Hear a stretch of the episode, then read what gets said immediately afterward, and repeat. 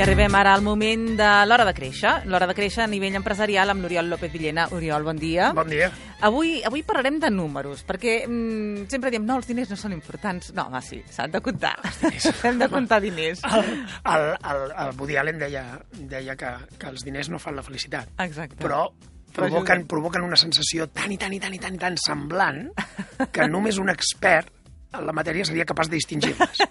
Dir, per tant, els diners, home, sí que són importants. És la, és la benzina que, que alimenta tota la resta. Ho són molt, ho són molt. I per tant parlarem de, de maneres de mirar la teva rendibilitat, que de fet la rendibilitat és on guanyes i on perds diners. Exacte, si no deixa de ser això, és a dir, el, el benefici, el que tots entenem per benefici, no? El que passa que no només mirat des del punt de vista de l'última línia del compte de resultats, sinó mirant al, al llarg de tota l'empresa. Perquè tu deies, si un empresari em diu no sé, no sé, on, no, no sé on estan aquestes pèrdues ni sé on estan aquests guanys, eh, et, et preocupa. Bueno, a mi em preocupa un empresari que, que parli, per exemple, només de- d'ingressos, no? Quan parles amb empreses i els hi preguntes què tal aneu? Doncs mira, aquest any hem ingressat més, hem pujat la facturació, no sé quan...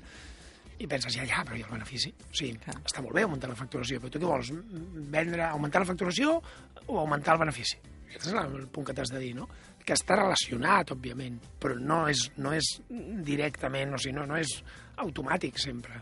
Vale? Per tant, la rendibilitat és calcular en què guanyes diners i com els guanyes. I, i jo això ho divideixo en tres, no? La rendibilitat per client, Mm -hmm. És a dir, quin, en quins clients estàs guanyant diners? Jo tenia un, un amic, un client i empresari, que em deia cada dia ell podia treure amb un clic una llista dels clients més rendibles. Això és important, perquè has de saber on, en qui estàs guanyant diners i amb qui no els estàs Clar, guanyant. i quins clients has de mimar? Els has de mimar més Quins menys? clients has de mimar i, sobretot, quins clients potser no tenen futur? Clar. amb tu i per tant Exacte. potser els has, de, els, has de, els has de fer fora. O potser clients que no són rendibles en aquell moment però sí que tenen un futur. Sí que dius no són rendibles perquè no els estem oferint tot el que els hi podríem oferir. O perquè no estem treballant com hauríem de treballar. Per tant la rendibilitat per client és bàsica i tot empresari hauria de tenir calculada.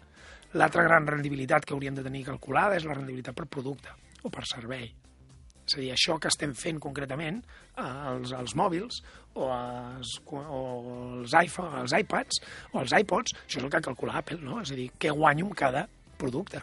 Per què? Per el mateix, per saber quins són els productes que són rendibles i, per tant, promocionar-los més, esforçar-t'hi més perquè generin encara més beneficis, quins productes no ho són gens, i potser són productes que han funcionat molt bé durant molts anys.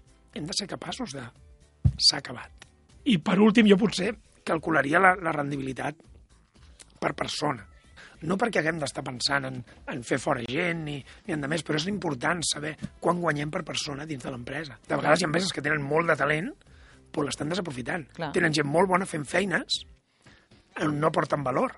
Per tant, es tracta de, de dir si aquesta persona és rendible, és una persona que porta molt de valor, anem a posar-la en un lloc on el seu valor es multipliqui. I, de fet, d'altres vegades, que gent que no aporta valor, però millor reconduint-la també la portaria. La divisió és exactament la mateixa que amb els productes, que amb els serveis, que amb els clients. Jo he vist casos on tu, on un empresari ha fet fora un treballador donant-li una alternativa. Dient, he parlat amb una altra empresa, que és aquesta altra empresa, d'un altre sector, millor, de, de la competència, on dic, allà encaixaràs. I relacions que han acabat així, han Home, acabat molt això bé. seria fantàstic. eh, És a dir, no necessàriament has d'encaixar eh, sempre un empresari amb un treballador. Però clar, aquí m'estàs parlant gairebé de poesia dintre l'empresa, eh? perquè que un, un empresari pensi on recol·locar el seu treballador abans d'acomiadar-lo, quasi que em posaria... És més, és més, eh, és et diré una cosa, encara que és sembli molt, Però em sembla molt intel·ligent. encara que et sembli, que et sembli mentida, és més habitual del que sembla. Sí, és a dir, és possible. la majoria d'empresaris no volen fer fora treballadors. N'estic convençuda. De fet, jo diria que... Jo És, és una cosa que violenta. A ningú li agrada fer, Clar. fer fora treballadors perquè és, una, és assumir un error que has comès com a empresari a l'hora de contractar i a l'hora d'ensenyar-lo. Sí, O sigui, és un error. O sigui, t'has equivocat. I, per tant, a ningú li agrada assumir aquest error. I després és emocionalment molt dur.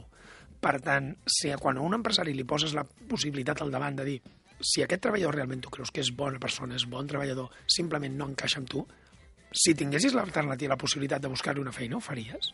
La majoria d'empresaris et diuen que sí. Clar. Per què? Perquè, és, perquè tu no vols que una persona quedi al carrer. Sí, sí, seguríssim. Tu simplement no la vols a la teva empresa. Sí, sí. Doncs escolta'm, Oriol, ens quedem amb aquest bon missatge, que m'agrada molt aquest missatge. La setmana que ve seguirem. Amb I finestres d'oportunitat. Et sembla que parlem d'oportunitat? Sí, això va, va a col·lació del que hem parlat dels productes, Exacte. dels productes amb més, amb més d'oferir més productes als més clients. Sí, sí, doncs mira, parlarem de finestres d'oportunitat la setmana que ve. Fantàstic. Bona setmana. Que vagi bé. Adéu. La primera pedra, dissabtes i diumenges de 6 a 7 del matí.